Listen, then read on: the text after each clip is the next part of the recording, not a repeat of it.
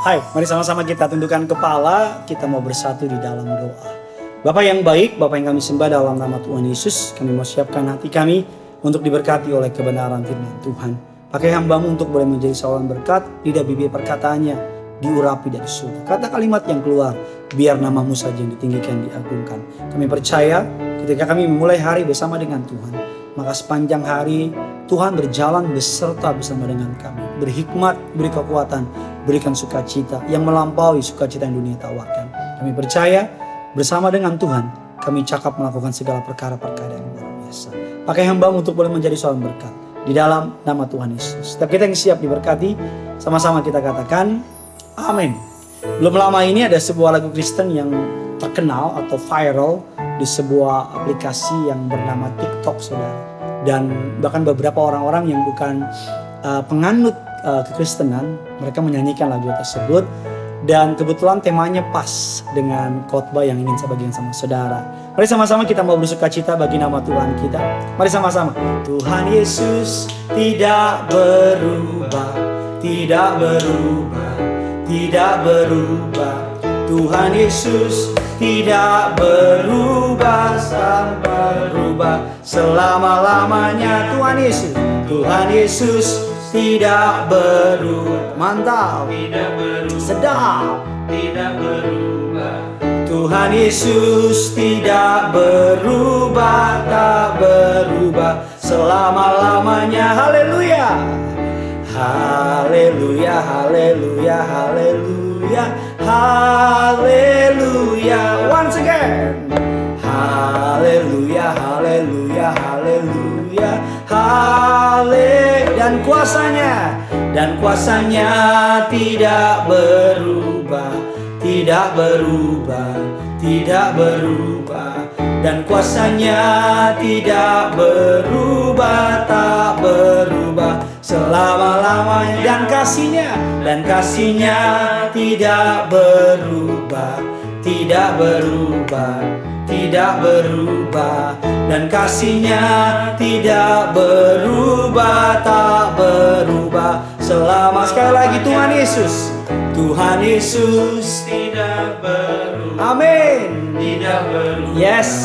Tidak berubah. pasti. Tuhan Yesus tidak berubah. tak berubah selama-lamanya Tuhan Yesus Tuhan Yesus tidak berubah tidak berubah tidak berubah. Tuhan Yesus tidak berubah tak berubah. Selama-lamanya. Yes. Saya berdoa walaupun lagu ini viral saudara doa saya.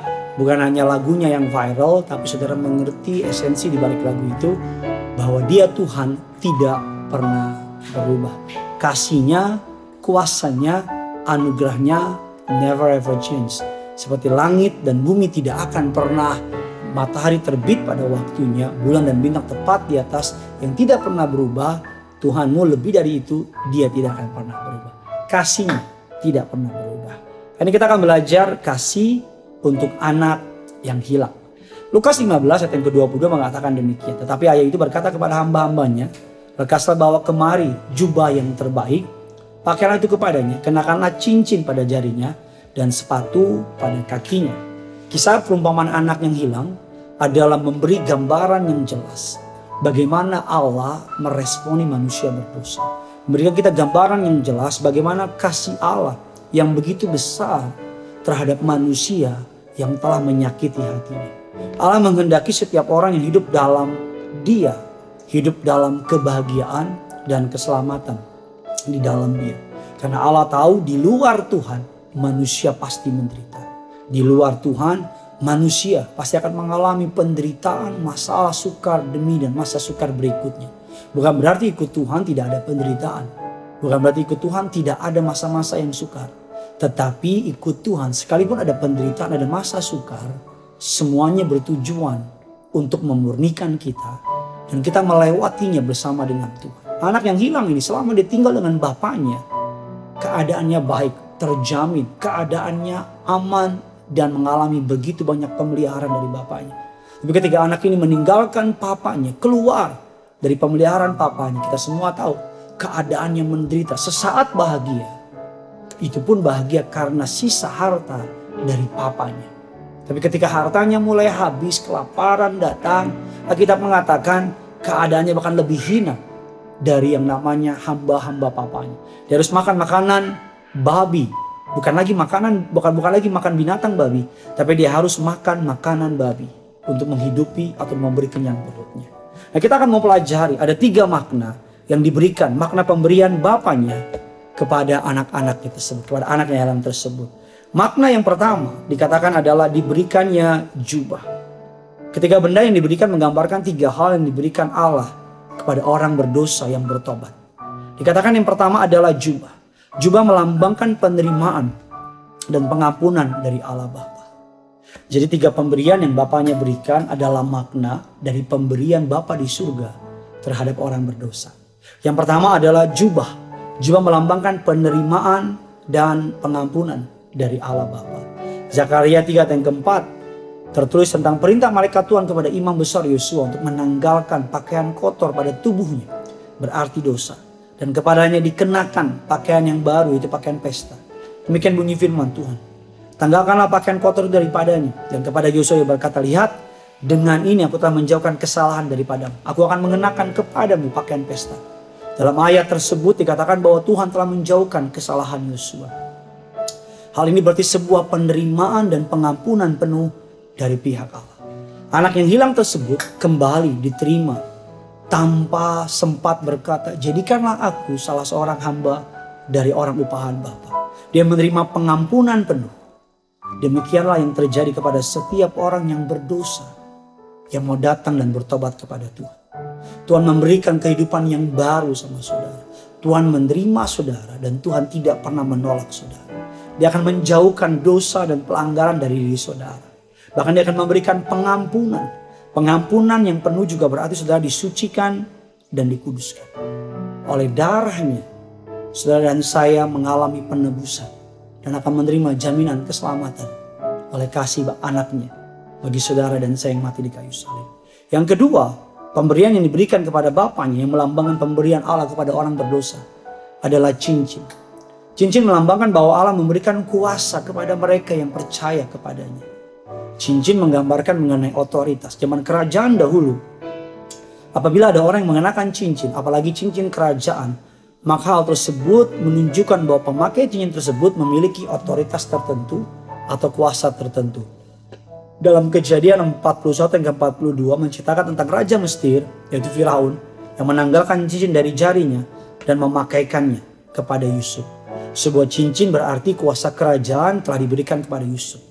Anak yang terhilang tersebut diberikan cincin yang berarti bahwa posisinya dipulihkan. Otoritasnya sebagai anak dikembalikan. Bahwa bapaknya ingin menunjukkan kepada seluruh hambanya, kepada seluruh orang di bawah kekuasaan bapaknya, bahwa anak tersebut bukan hanya diterima, diampuni, tapi posisinya dikembalikan. Kuasa diberikan kepadanya sebagai anak bapak. Tadinya anak ini berencana menjadi hamba dari bapaknya. Tapi bapaknya tidak mau anaknya menjadi hamba, menjadi pegawai. Bapaknya memberikan cincin kepada anaknya sebagai sebuah deklarasi bahwa anak tersebut identitasnya seorang anak yang memiliki kuasa. Bapaknya mau hamba-hamba bapaknya tidak memandang remeh anaknya. Walaupun anak itu telah jatuh dalam dosa, tapi anak itu telah kembali dan bertobat. Dan otoritas itu diberikan kepadanya. Yohanes 1.12 mengatakan, tetapi semua orang yang menerimanya diberi kuasa supaya menjadi anak-anak Allah. Yaitu mereka yang percaya dalam namanya. Orang yang percaya kepada Yesus diberikan kuasa menjadi anak-anak kerajaan surga. Ketika kita bertobat, bukan hanya kita diampuni. Posisi kita dikembalikan sebagai anak-anak Allah yang berkuasa.